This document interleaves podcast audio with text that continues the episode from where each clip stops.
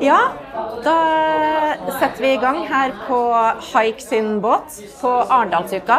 Eh, hvor vi er til stede midt i der det skjer, i, i august. Um, vi eh, tar opp en eh, podkastserie som vi jobber med på Inventas, på bærekraft. Og, eh, og skal ha et uh, litt uh, betent tema, nesten, vil jeg si. Som vi har, går på nullutslipp. Det er noe som vi hører blir gjentatt fra, på ulike lokasjoner her på Arendalsuka. Og vi har lyst til å ta det litt ved rota og har sagt nullutslipp innen 2030. Er det en illusjon, eller er det innovasjon som skal til? Jeg har med meg Det kommer litt bråk i bakgrunnen her, fordi vi, vi er om bord på, på, båten her, og vi skal ha et vent her etterpå. Og det er, er litt rigging. Det er sånn det er på Arendalsuka. Ting skjer samtidig, så vi får litt følelsen med, med hvordan det, det, det, er her. Så, men jeg vil gjerne at vi tar en introduksjonsrunde av, av dere som jeg har med meg her.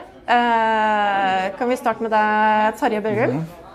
Ja, hei. Tarje heter jeg. jeg. Jobber ansvarlig for bærekraft i Abelia, som er kunnskap- og teknologibedriftenes interesseorganisasjon. Og det vi er opptatt av, er jo å bygge kunnskap, teknologi, skalere opp virkemidler for at vi kan få de radikalt gode løsningene. Som vi har venta veldig mye på, og som vi ser er nå. Eh, vi er vi kan komme litt tilbake til det, men vi er særlig det skalere opp de nye, finne de radikalt gode nye forretningsmodellene, og hva skal til av politikk for at vi kommer dit. Vær så god, Oskar. Ja, hei. Oskar Håvardsson. Jeg er medgründer i Variable. Eh, og vi har utviklet en tech-plattform som hjelper selskaper å utvikle klimaløsninger. Dvs. Si produkter eller tjenester som har et uh, lavt klimagassutslipp, eller som hjelper sine kunder uh, unngå eller redusere sine klimagassutslipp. Eh, og vi sitter jo på et veldig godt eksempel eh, på et, eh, en klimaløsning her. Mm. Ja, kan vi ta ordet over til deg, Bård? Bård Eker, eh, industridesigner og produktutvikler. Eh, og jobber da med å utvikle nye produkter, forbedre produkter. Eh, og har starta en del både prosjekter og selskaper etter hvert. og det her er jo den siste ut nå. Det er jo da en helelektrisk ferje, byferje. Veldig spennende. Og dere har jo faktisk hatt eh, dåp av haik i dag. Stemmer det stemmer, det? så den er ganske fersk. Nylig døpt. ja. Og vi har akkurat også fått uh, godkjenning fra Sjøfartsdirektoratet, så, så, nå kan vi gå i regulær trafikk da, med 50 passasjerer fra og med i morgen av. Veldig spennende. Kan jeg bare spørre, Hvordan har mottagelsen vært?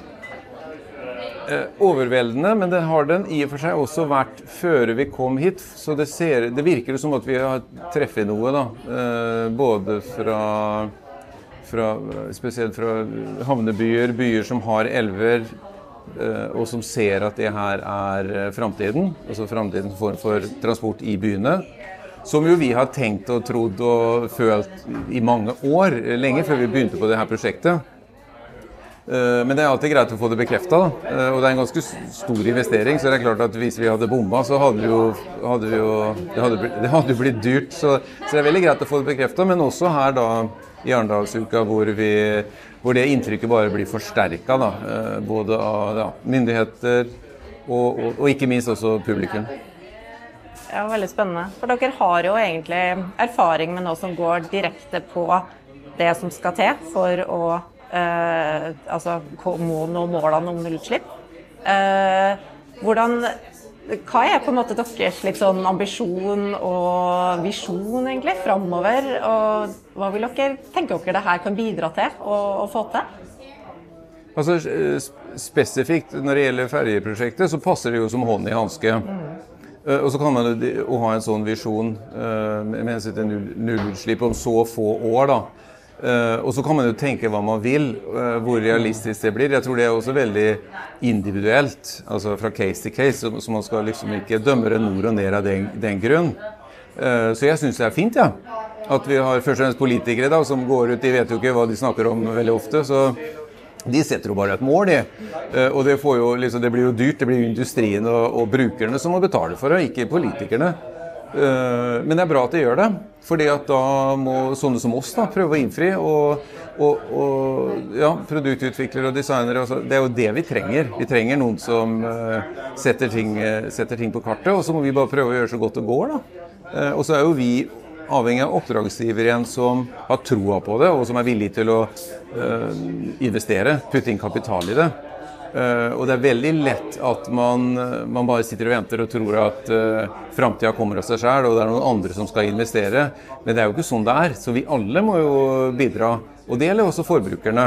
Så forbrukerne, skal vi få en grønn framtid, så må vi jo være villige til å betale litt mer for det. Og ikke bare tro at staten skal plukke opp regninga hver gang, liksom, sånn som de har gjort med å innføre elbiler i Norge. Det har, det har jo fungert, det. Men de har jo ikke betalt noe for det. Vi har fått både raskere og kulere biler. Eh, og så har staten delvis betalt for det, hvis vi setter det litt på spissen. Så jeg tror vi må tenke litt annerledes uh, framover, for ellers så har man ikke råd til det. Mm. Og der jeg, Det er jo altså, interessant det du sier, at, eh, at man skal ha tro på det. internt. jeg tenker litt sånn tilbake til deg, Oskar. hvordan kan vi få trua på det? Eh, at det her eh, altså har eh, en effekt. En ting er jo at det funker i praksis, at det lar seg gjennomføre og få det på plass. Og at det dekker noe behov og det det skal gjøre. Men det skal jo òg altså, bidra til å nå målene. Det er jo en av si, kampsakene og en av verdiforslagene mm. som vi kommer med. Absolutt. Jeg tror det hjelper å se noen eksempler på at det går. Eh, og så tror jeg selskapet trenger å se lønnsomheten i det. Dersom det ikke er lønnsomt, så kommer det ikke til å skalere opp. Og det, hvis det ikke skaleres opp, så kommer det ikke til å ha noen stor effekt, og da kommer vi ikke til å nå de ambisiøse målene. Um, det er litt sånn, Jeg vil gjerne liksom trekke det kanskje litt opp når vi sier nullutslipp til 2030. Og, si sånn OK, nullutslipp for hvem? Vi har jo noen nasjonale mål, men det gjelder kun utslipp på norsk jord. Mens veldig mye utslipp skjer jo eh, når vi produserer, eh, eller når varer som vi importerer, produseres i utlandet. Og ikke hvis veldig mye utslipp skjer av varer vi produserer og eksporterer til utlandet. Da tenker jeg særlig fra oljesektoren. Eh, så det, det, tyder jo også litt på at dette her er komplekst. Men i bunn og grunn så handler det om å erstatte fossile energikilder med fornybare energikilder. Men så er det jo sånn at produkter får jo utslipp gjennom hele verdikjeden sin. Så når du skal produsere en ny bærekraftig, eh, bærekraftig produkt, så er du for, nødt til å forstå hvor ser utslippene i verdikjeden sin. Hvordan kan jeg finne bedre måter å erstatte dette med resirkulerte materialer, mm. Mm. bytte ut til fornybar energi på ulike produksjonsfasiliteter, men også tenke på hva som skjer nedstrøms for deg. Hvordan kan jeg utvikle produkter som varer lengre? Hvordan kan jeg lage produkter som kan hjelpe mine brukere direkte eller indirekte unngå eller redusere sine utslipp? Så man er avhengig av å gå veldig detaljert detaljert til verks, selv om problemet egentlig er ganske enkelt. Mm. Mm. Ja, det er jo kjempeinteressant, syns jeg. Eh, det er jo eh, litt akkurat på det, da. Eh, du nevner på det at uh, man må ikke bare skal vi si, redusere utslipp, men man har et større ansvar. Mm. og for å på en måte nå målet, da, som, som, er satt. er det sånn at målet helliggjør altså middelet? På vei dit? Hvor står vi hen i forhold til det? Er det eh, Kan man på en måte eh, vurdere å ikke ta noen bærekraftige valg for å nå eh, ras komme raskere til målet da, om eh, lavutslipp?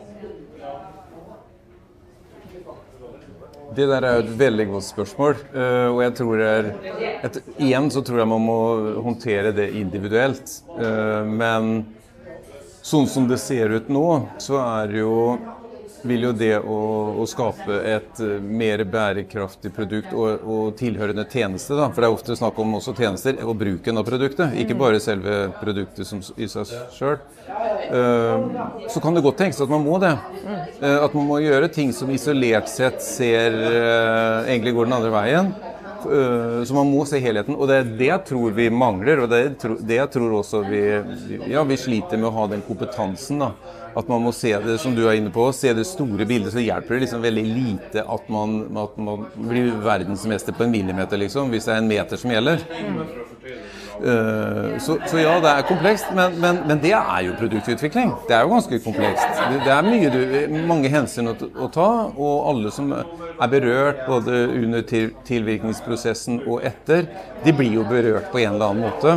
Eh, så, så det å gjøre det inn under et vi si, bærekraftig mål og en paraply, da, det, det, gjør det på mange måter egentlig enda mer hva skal vi si, interessant. da. For, for det, blir, det, er vanskelig, men, men, det blir også desto mer tilfredsstillende når man, når man får det til. Men ja, jeg tror, jeg tror det, er godt, uh, det er et godt poeng at man må kanskje gjøre ting som i utgangspunktet ser dumt ut, for å oppnå uh, noe som er enda mye bedre på lang sikt.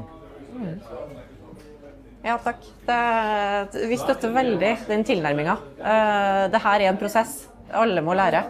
Og det er noe du kan masse om og har sett masse, Tarjei. Eh, dere i Abelia, og særlig du med din, ditt bærekraftsperspektiv, eh, er jo borti veldig mange. Eh, og i ulike bransjer, og ser hva som røres ut der. Eh, hva er dine tanker rundt det her? Ja, altså, dette er jo det er et veldig krevende felt, selvfølgelig. fordi eh, Altså det, det, som irriterer meg litt, er jo på en måte at liksom, hvis vi har da altså Alle vet hvor vi skal den. Vi skal liksom skal, altså ja, vi skal til netto null, men egentlig er vi jo der hvis vi tenker mer enn klimagassreduksjon. så Hvis man ser på biodiversitet og alle disse områdene krisen vi står foran, så handler det ikke bare om netto null. Det handler om mer sånn regenerative løsninger. Vi skal tilføre noe bedre. Vi skal skape bedre løsninger, ikke bare kutte utslipp rundt omkring. For det, Litt av problemet, altså, jf. det der med elbilene ikke sant? Det løste jo, altså det var fint å få fornybar energi inn i bilene, men det løste jo ikke trafikken i byene. Det blir jo liksom samme, Du har ikke løst mobilitetsutfordringen. Og da må du opp på et mer sånn systeminnovasjonsperspektiv. ikke sant? Du må liksom endre systemet og skape noen bedre modeller. Og det som er med det som er krevende, er at det er først mulig når du har en veldig god modell som folk vil ha. Fordi det å flikke på liksom de gamle systemene og si at nå skal vi lage et bedre system, mens alle er i det gamle, er veldig vanskelig. Eh, og, og, det er det som jeg opplever litt at eh, Norge altså, altså, Det er to deler. altså nå har dere på politikksida, da, så synes jeg, sant, når Forrige uke så ble vi enige i Norge eller åpne opp for at vi skal elektrifisere Melkøya. Eh, som handler om å forlenge fossilbransjen i, i stor grad, egentlig. Eh, men for å nå et innenlandsk eh, målsetning. Eh, alle er enige om at det liksom, spiller ingen rolle hvor dette slippes ut. Altså, det er veldig dårlig bruk av energiressurser. Det skal jo brukes der det er best mulig, der vi kan skalere det, der vi kan gå videre. Men der blir jo det, det er liksom the vested interest, altså de gamle som, den gamle industrien, som får lov til å diktere betingelsene for det nye. Mm. Eh, og, det, og, det, som jeg ser, da, sånn som da med Variables og alle, fra, særlig fra oppstartsbransjen, så er det så utrolig mye spennende ideer som er liksom helt fantastisk destruktive, men, men, som ikke kommer helt inn. For de har ikke disse små markedene de, som de skal for å få den neste kunden for å begynne å bygge. da. Eh, så, så, det blir jo spørsmålet hvordan får vi balansert dette? ikke sant? Både ta vare på det gamle, men samtidig eh, gjøre mye med det nye. og det Eh, men altså, i min mening så er det mye raskere, billigere og bedre å skalere opp nye løsninger enn å bruke alle pengene våre på å fikse det gamle. Som vi gjør til en viss grad, da. Mm. Hvis jeg kan bare slenge meg på det, så er det veldig interessant. Det opplever vi. En veldig stor etterspørsel fra de som representerer de nye løsningene, som er radikalt bedre fra et bærekraftsperspektiv. Jeg tror ingen egentlig ser for seg at vi kommer til å nå nullutslipp ved at alle produkter og tjenester og selskaper inkrementelt redusere utslippene sine litt og litt. Det kommer til å være disruptive, innovative løsninger med nye produkter og tjenester, og til og med forretningsmodeller som kommer til å utfordre og utkonkurrere de gamle, skitne løsningene. Mm. Hvorfor har vi ikke gjort det, da? Hvorfor skjer ikke det as we speak? Det skjer jo as we speak. Eh, jeg syns dette her er et veldig godt eksempel på det, men det går tilbake til å se lønnsomheten i det. Nå var jo næringsministeren ute og sa at eh, de kommer til å vekte bærekraft eh, enda tyngre i innkjøpsbeslutninger. Så det går jo tilbake til det med lønnsomhet. Når, når det finnes et etterspørsel for, for, et produkt, så er jo det en mulighet. Og innovative entreprenører og selskaper som tar den muligheten, de kommer til å være vinneren inn i, inn i fremtiden. Hvor er det Ja, Farje? Og så det, kan jeg jo tenke litt sånn, altså Jeg, jeg syns det er så utrolig mye spennende ting som skjer i Norge og Norden for øvrig. da. Så at vi, altså, altså Det går an å tenke litt eh, altså Tidligere klima- og miljøminister Vidar Helgesen han var ute med en rapport nå i, i våres hvor han liksom tenkte på at sant, nå vi tjener, vi, Norge tjener 1300 milliarder hvert år på krigen i Ukraina. Eh, og Er det noen som har mulighet til å liksom, bygge noen ny innovasjon og skalere nye løsninger, så er det liksom Norge, Norden, egentlig. Og kunne vi kanskje brukt noen av de pengene på å satse på ordentlig skalere opp innovasjon for andre, f.eks. Det kunne vi også gjort, men det er ikke på agendaen i Norge ennå. Men det er noe med at vi må se altså Der ser jeg at vi har altså, eh, Norsk næringsliv har en unik mulighet da, til å, å, gjøre det. Og så ligger vi litt etter eh, bl.a. Sverige, som er litt mer orientert mot mer risikokapital. Eh, veldig stor vekt i impact-investeringer, som ikke bare er impact, men som også skalerer. Så det skjer masse spennende ting i Norge, men vi er ikke helt der ennå. Så det utløser mer av det. Og det som er, vi er litt da, småsure for, er at dessverre så kutter vi på innovasjonsvirkemidler i det offentlige for å finansiere et tungt eh, statsbudsjett som for å bruke subsidier på gammel industri. Så det må vi gjøre noe med. Hvor kommer det fra, da? Hva er de kreftene som, som driver i det? Eh, hva er det som gjør at det, går, at det er et grep som vi kanskje ikke er enig i at eh, bør skje? Det er nok ikke helt uh, lett å si at det er svart eller hvitt, at det er sånn eller sånn. Det er nok sammensatt. Men, men, men det, det, har noe med det at eh, når Nå har vi et svært prosjekt som heter offshore vind. Men da er det snakk om opp mot 30 milliarder i garantier fra staten på noen områder. Det er Altså, vi har en tendens til å tenke liksom, eh, stort nok og ting som kan slepes i Norge. ikke sant? Da, da er det industri. Mens det er liksom de nye skalerbare modellene som er endrer systemer, er nødvendigvis ikke der. Men selvfølgelig skal vi eh, Vi er ikke mot fornybar energi, men det er måten hvor vi putter hvor vi putter eh, innsatsen vår hen, da. Ikke sant? Som, som, er en liten utfordring på de områdene. Mm. Mm. Um, ja, og det, det, tror jeg er et veldig viktig poeng som jeg tror alle er enig i. At vi er nødt til å få noe, gjort noe grep der. Men um, hvis, uh, hvis, vi tenker altså den, uh, de nye løsningene, så er jo det en utvikling som uh, tar litt tid. Uh, vi sier at Norge er på en måte i stand til å faktisk kunne gå litt foran, eller i hvert fall i stand til å ta den, har mulighet til å gjøre det. Når vi målene ved å altså Man kan jo si ja takk, begge deler, men hvis man skal på en måte prioritere litt hardt, da, eh, hvordan bør den fordelinga være mellom den der eh, investeringa i, eh, i måte etablert industri mot den, den nye? Altså eh, hvordan bør vi jobbe med det, sånn at vi faktisk får den framdrifta fort nok? Eh, det, er seks år til vi skal halvere. Det er ikke så lang tid. Det, det går veldig fort.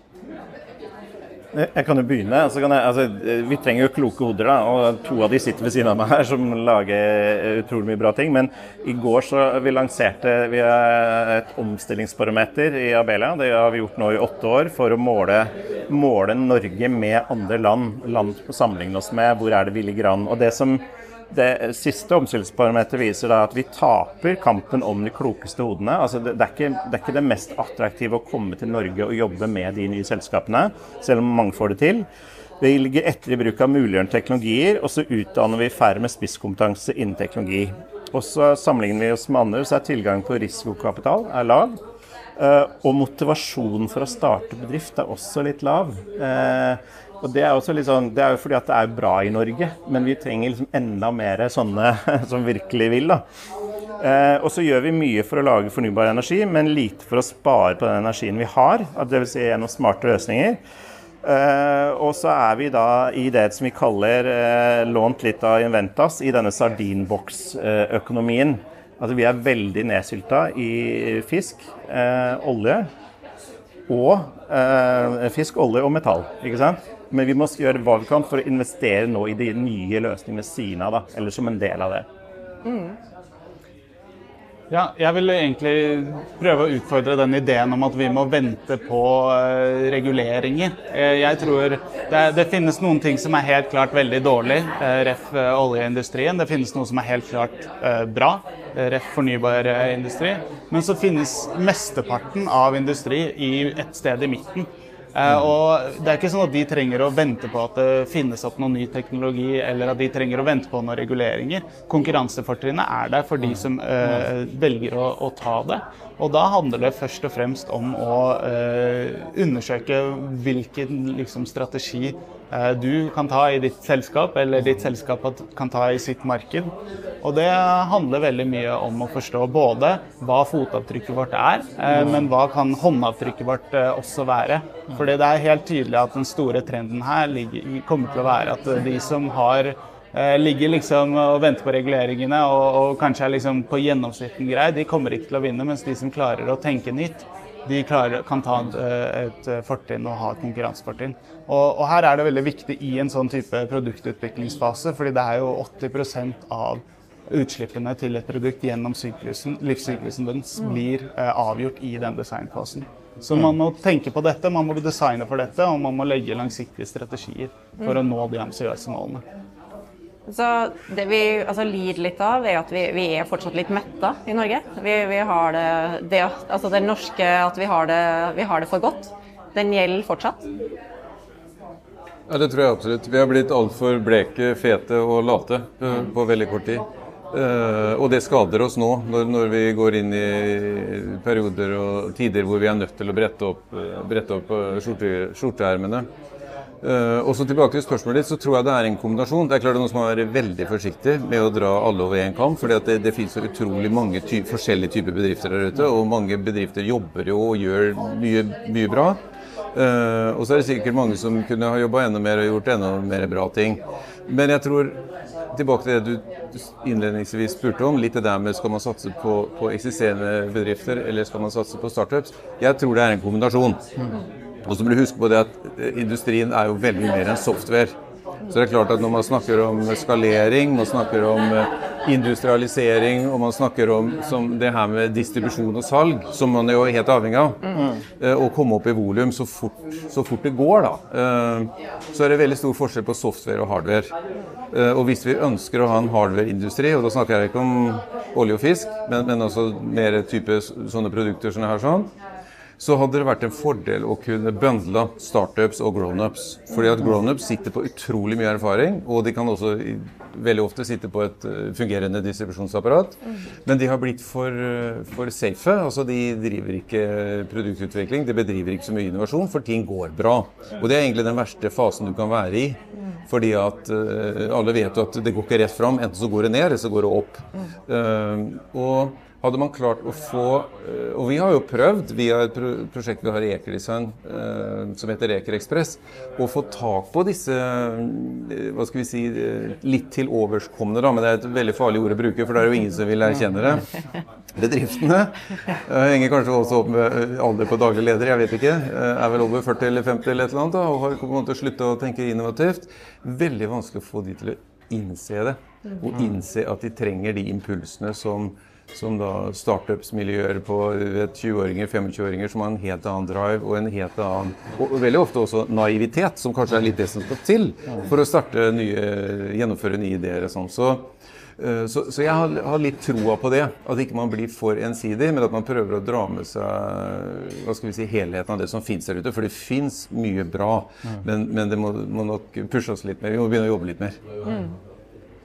Jeg syns det er interessant. Over til deg, Tarjei. Altså, hadde, vi hadde prata en gang tidligere, og da hadde du en, eh, en tanke om en, altså David mot Goliat, mm. uh, som jeg syns er litt fin. Hvordan får vi dem til å bli på lag? Det er jo egentlig det du sier litt, Bård. Mm. At uh, de må begynne å jobbe sammen. Mm. Og det, det, skjer jo veldig mye som er på positive siden. ikke sant? Altså, sånn som snakket med noen DNV, sånn stor sånn tradisjonell norsk eh, bedrift med 14 000 ansatte globalt. De har sånn DNV Benches og kjøper opp og kobler på og bringer det ut i verden. og Det er veldig mye spennende som skjer. Men det er noe med altså, eh, men hvor er det du skal legge inn de altså Hvis du er på politikk da, eller reguleringer eller sånn, så er det noe med ikke sant? vi vet at vi skal over til en fornybar verden, en bærekraftig verden som er bra for folk, men også en sirkulær verden. Og da, da, er det jo litt spesielt da når du har veldig sånne avskrivningsregler for industrien, som gjør at du kan liksom kassere det forrige laget ditt fordi at da istedenfor å selge det ut og gjøre det på nye måter Altså du har bygd opp et system da, som nødvendigvis ikke fremmer de innovative, mer ressurseffektive løsningene å gjøre ting på. Og det, det, kan du ikke gjøre alene i Norge, du må gjøre det liksom på EU-nivå. Liksom der. Men det er klart at du kan være liksom test og utprøving av nye, smarte løsninger. For dette kommer jo. Mm. Når EU da regulerer, altså det er vårt nærmeste marked. og det er 600 millioner innbyggere. Og når de setter da uh, sine nye sirkulærpakker osv., så, videre, så kommer dette til å bli virkeligheten for norske bedrifter. Og skal vi da vente og se på det?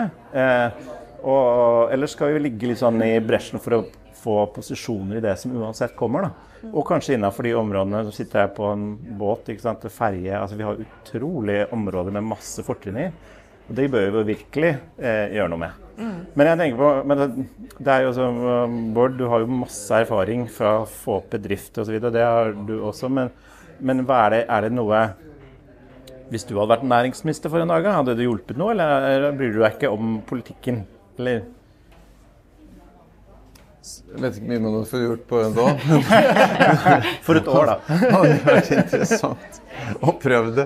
Uh, ja, nei, det, det, den hadde jeg ikke tenkt på. Men uh, jeg vet ikke. Jeg er ikke sikker jeg hadde egnet meg som, uh, som noen minister. Det, men det leder meg kanskje til litt til neste greie. og det er at Skal man jobbe sammen, så må man jo finne ut hva man er god på, hva man er dårlig på. Kanskje det første sist, hva man er dårlig på, og så hva man er god på. Og så fins det andre som, som, vil ta andre poster, for å si det sånn. Og, og enten det er å være minister eller drive for seg sjøl eller, eller sette ting i system. Men jeg tror at det er jo det teamarbeidet som du er avhengig av. Akkurat som den båten her. liksom, Vi er 130 mennesker, så på en eller annen måte har hatt noe med mm. hvordan den har blitt til. da. Mm. Uh, så, så, så, så, det er jo det å lære seg kanskje litt i større grad å jobbe i team. For vi er nok ikke så fryktelig flinke til det, det uh, her i Norge. Det er vel litt det kanskje, som skiller nettopp det med Sverige og Norge også, når vi refererte til det med Eh, svensk eh, riskkapital, eh, som de jo faktisk har. De har et eget ord. Her har jeg sett at det er noen investorer som bruker det ordet, men, men de vet jo ikke hva risiko er. Så, så, når man skal satse i sånne type produkter som det her, så er det liksom et helt annet risknivå. Og det er egentlig veldig rart, fordi at nordmenn er jo for øvrig kjent for å ta relativt høy risiko, men jeg tror ikke vi har jeg tror ikke vi har den tålmodigheten som bl.a. svenskene har man tror at man puster inn en krone den ene dagen, så skal man få tilbake tiden den andre dagen. Liksom. Det er ikke sånn det fungerer. Uh, og, det, og, det, er jo også, Nå er det lett å begynne å snakke politikk her, men det er også litt farlig når man har uh, hva skal vi si, kortsiktige mål, da, som gjør at man også må tenke mye mer kortsiktig profitt. Og det vil jo si at kvaliteten på produktene og tjenestene går automatisk ned, fordi at man har tenkt man er nødt til å ta utbytte i år, ikke neste år. Eh, eller når, når, butikken går bra. Eh, og det har man ikke tid til å vente på.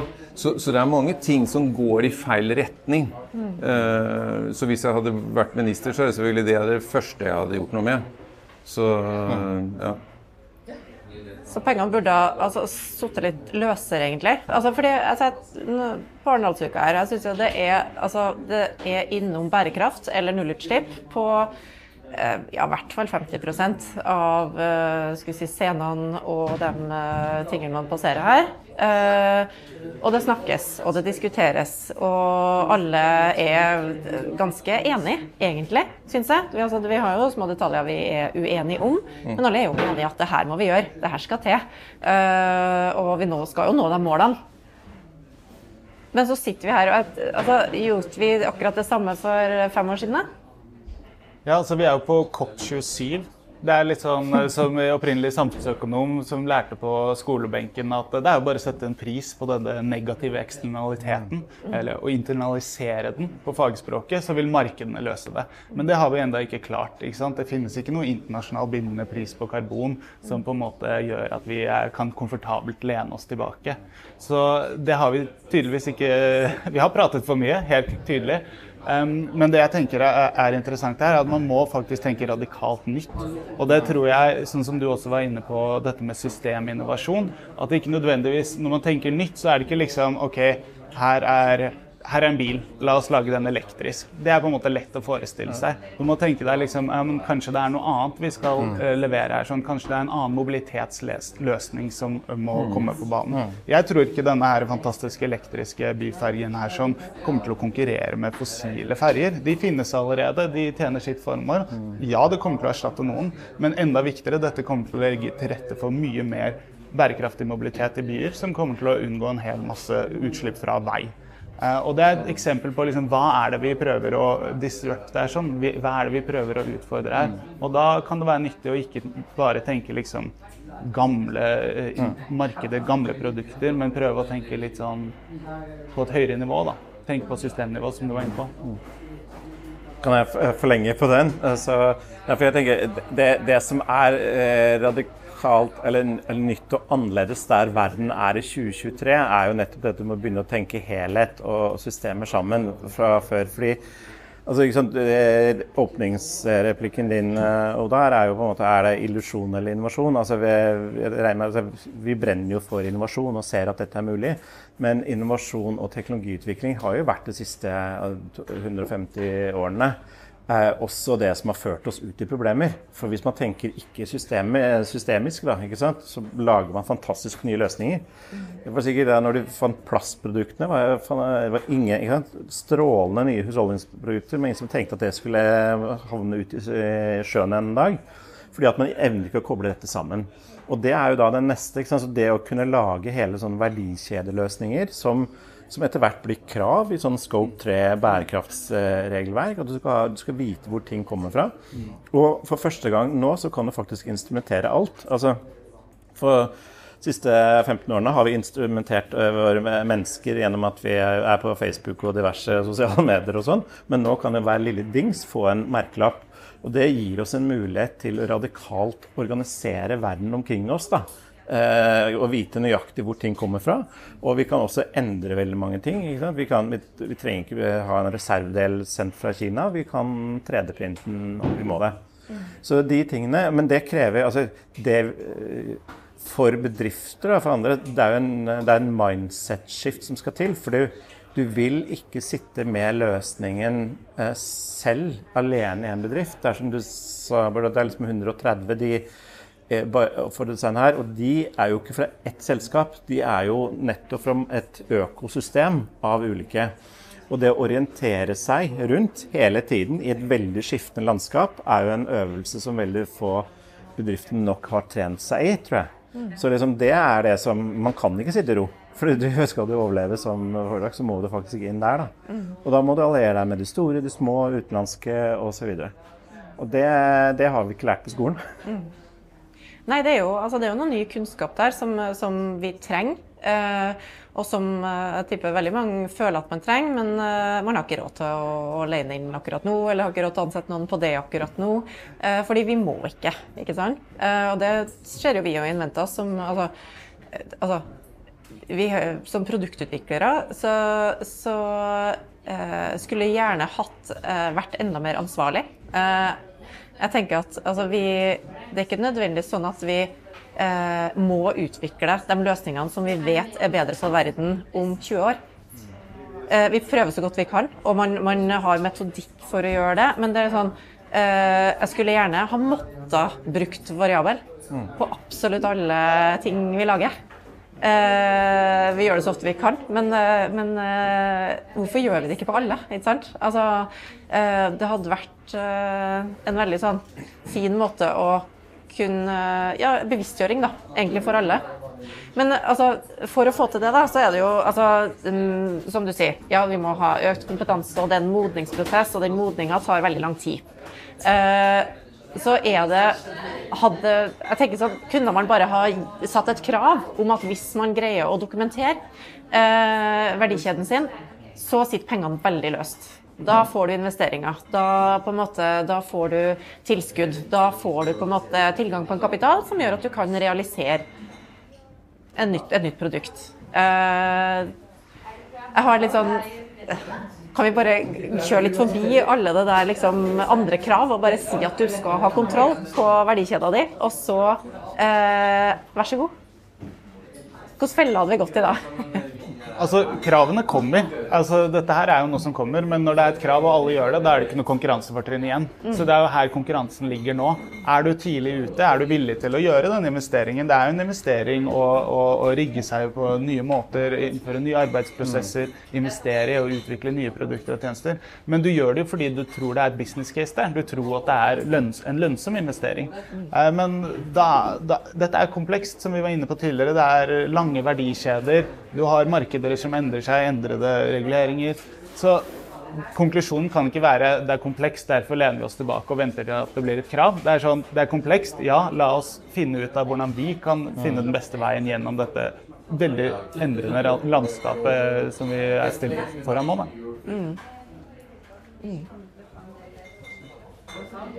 Altså, det her er jo komplekst, og vi kan sikkert sitte her i flere uker og snakke om det. Men, men det som jeg tror også vi eller først og fremst eh, trenger, det er jo en eh, holdningsendring hos brukerne.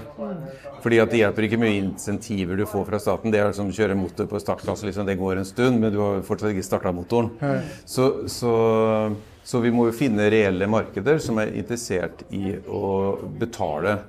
Å betale for og det er her klukset kommer, eh, både med det Inventas gjør og det vi gjør. Det er at det er jo sånne som oss som bruker opp eh, ressursene i verden fordi at vi lager nye produkter. Og ser du på bilindustrien, da, som har satt en standard om å lage helt nye eh, bilmodeller hvert syvende år. Du kan stille klokka etter dem, og etter tre og et halvt så kommer det en ny facelift. Hvis du ser på hva det koster, og det som kommer syv år senere, er jo en bil som er relativt lik den forrige. Den har bare litt flere feil, og så har den dårligere kvalitet. Og så koster den mer. Så, så, så jeg mener liksom når du begynner å telle regnskoger og, og hvor mye vi brenner ned og ødelegger, og alt det der sånn, så er det jo vi som må begynne å tenke nytt. Og, og da kommer det her med også gjenbruk inn. Og, det kommer også det der å kanskje i større grad fokusere på å lage skikkelig gode produkter. Som ikke varer bare noen år, men som varer i 20 år. Jeg mener Når vi klarer å lage oljeboringsplattformer som står ute i liksom det verste miljøet, som varer 20 pluss 20 år, og, og så har vi telefoner som, som holder i noen måneder, så er det jo et eller annet feil. Så, men men du, du skal være ganske tøff skal du klare å stå opp uh, mot det der. Og det er der jeg kanskje tror vi trenger da, litt hjelp fra ministre og stater, staten og sånn. At liksom rett og slett være enda flinkere på å begynne å markedsføre Norge som et kvalitetsland. Eh, og vi må også da begynne å fokusere på å lage produkter og tjenester med mye høyere kvalitet. Yes, så får vi ikke det volumet kanskje som vi hadde trodd, og vi, men, men vi får produkter som, eh, som, som har en mye større holdbarhet. Det tror jeg er liksom i bunn og grunn også det beste vi kan gjøre for miljøet. da. Istedenfor å bare stadig jage nye kunder, lage nye produkter og bruke enda mer energi på det. det så, så, så jeg tror vi skal tenke oss om litt. Helt enig. Terje? Det slo inn i hodet mitt når du sa det, at det, det handler jo også noe om forretningsmodellene bak. I, eh, som, altså For offshore så er det ikke sånn delingsøkonomi og sånn er jo faktisk veldig smart i et eh, eh, kvalitetsperspektiv. For Hvis du kan bruke ting lenger og selge det på nye måter og sånn. Men sånn som Rolls-Royce, de har jo lang, eh, oppe på Vestlandet, de har jo lenge leasa maskinene til offshore. Eh, Så at motoren sant, som kommer, det er leasa ut. Og da har du et insentiv til å forlenge driftskapasiteten på den superlenge. For det, den er leasingbasert. ikke sant? Den hadde bare vært ele- Så det er noe med å finne de eh, modellene som gjør at du faktisk tjener mer penger da, på å gjøre ting smarte og få det til å gå. Og da må også eh, regnskap, revisjon og sånn også henge med på det, selvfølgelig. ikke sant? At du premierer de tingene. For de små dyttene vil jo dytte deg i sånn retning. da. Ja.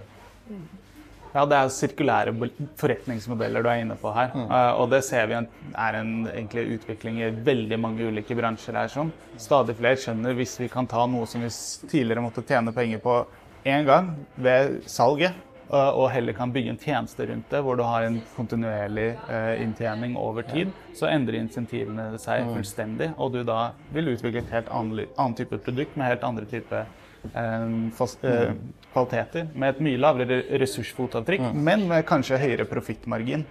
Eh, Men igjen, da, da krever det eh, en satsing å gå fra den gamle forretningsmodellen til å teste ut og tørre å satse på den igjen. Ja, der, vi er jo på Arendalsuka. Og altså, er det et sted der altså, Her snakkes det mye politikk. Eh, jeg vet ikke om dere har vært litt rundt på ulike events og, og, og hørt litt hva som blir sagt. Eh, er, det, er, det, noe håp? Har noen plukka opp noe som, eh, som eh, kanskje gjør at det vi snakker om nå, da føler vi er litt sånn enige, egentlig, vi som sitter her. Er det noen som gir oss grunn til at, her, at vi kan nå de her målene? Det, det, altså, det er masse, masse håp. Jeg er egentlig super Uh, superoptimist. Altså, jeg tror Det er fullt mulig. og det er liksom sånn, De som har lest en boka til er det Bill Gates som har ikke sant, hvordan du eh, tenker du innovasjon, så kan du stokke de der 51 millioner tonnene eller hva, milliarder tonnene du skal bli kvitt. Det er mulig å gjøre det. Vi har alt av virkemidler, av teknologi, av penger, eh, av kapital. Og også sånn, for så vidt kompetanse, men det handler om å organisere på litt sånn nye måter. da. Og så handler det om å komme over en sånn altså Jeg er livredd for den type Altså den klimaangsten og den at eh, folk nå begynner å tenke For hvis det blir for mye klimaangst og for mye dystopi, så skjer det noe inni menneskene. For da begynner de å puste litt høyt oppe. Og da blir det liksom sånn Da er det fight, flight, freeze på de som du skal egentlig kommunisere til. Eh, og da blir ikke de så kreative til å skape og være med på endring. Så liksom, det er jo mange ting som henger, henger sammen. Da. Men altså, som jeg sa i stad, det er jo nå altså, ChatGPT kom i var det, var det november eller noe sånt? Tenk på det, det er litt over et halvt år siden, egentlig. Eh, og hvordan det endrer alt innenfor læring, undervisning, innenfor altså, Vi har kommunikasjonsrådgivere hos oss som tenker altså, oi, dette her er kanskje noen kan skrive i pressemeldingene sjøl av maskinen. Så her skjer det veldig uh, mye fort.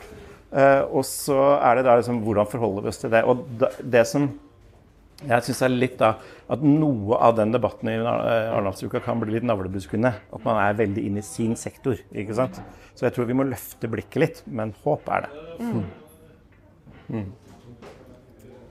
Har du hørt noe spennende, Oskar? Ja, jeg hører at eh, det er flere som begynner å snakke om verdisirkler istedenfor verdikjeder. Mm. Eh, jeg tror sirkulærøkonomien er eh, på full fart inn. Noe annet som også gjør meg optimistisk, er at det er lenge siden prisen på fornybar energi var billigere enn fossil. Så nå handler det egentlig bare om Vi ser hvilken vei det går, bare hvor fort kan vi gå den veien. Um, og det siste er jo egentlig det at uh, det er utrolig gøy å se og kunne jobbe med de selskapene som ser mulighetene, mm. og se hvor raskt vi kan få på plass ting. For det er ikke mange designsirkler uh, igjen uh, før 2030. Så morgendagens løsninger de skapes i dag. Mm. Skal jeg få siste ordet? Ja. Mm. Nei, jeg har nok ikke fått vært så mye rundt. Men jeg syns det blir litt mye prating, jeg, da. Uh, at det skal bli mer, være mye mer action. Men uh, det, det, som vi sa i stad, noen får prate, så får vi andre stå for action. Og så får vi håpe det blir bra til slutt. ja, det høres bra ut. Vi har jo prata litt her nå. Uh, det vi, vi starta med, var jo altså nullutslipp innen 2030. Er det en uh, illusjon, eller er det en innovasjon? Uh, det ville på en måte gå litt, komme litt til livs, da, det der og, liksom eh, Altså, er det ei boble som vi er veldig redd skal sprekke? og egentlig rett tilbake til det du nevner på, da, Terje, med at vi må ikke bli handlingslamma. Vi, om vi har trua på det eller ikke, så er det innovasjon som må seire. Og det må i hvert fall alle som uh, har en mulighet til å handle, da, og ikke bare mm. prate, bidra på. Og så tenker jeg jo at den praten eh, blir jo omdanna til handling, det òg, forhåpentligvis.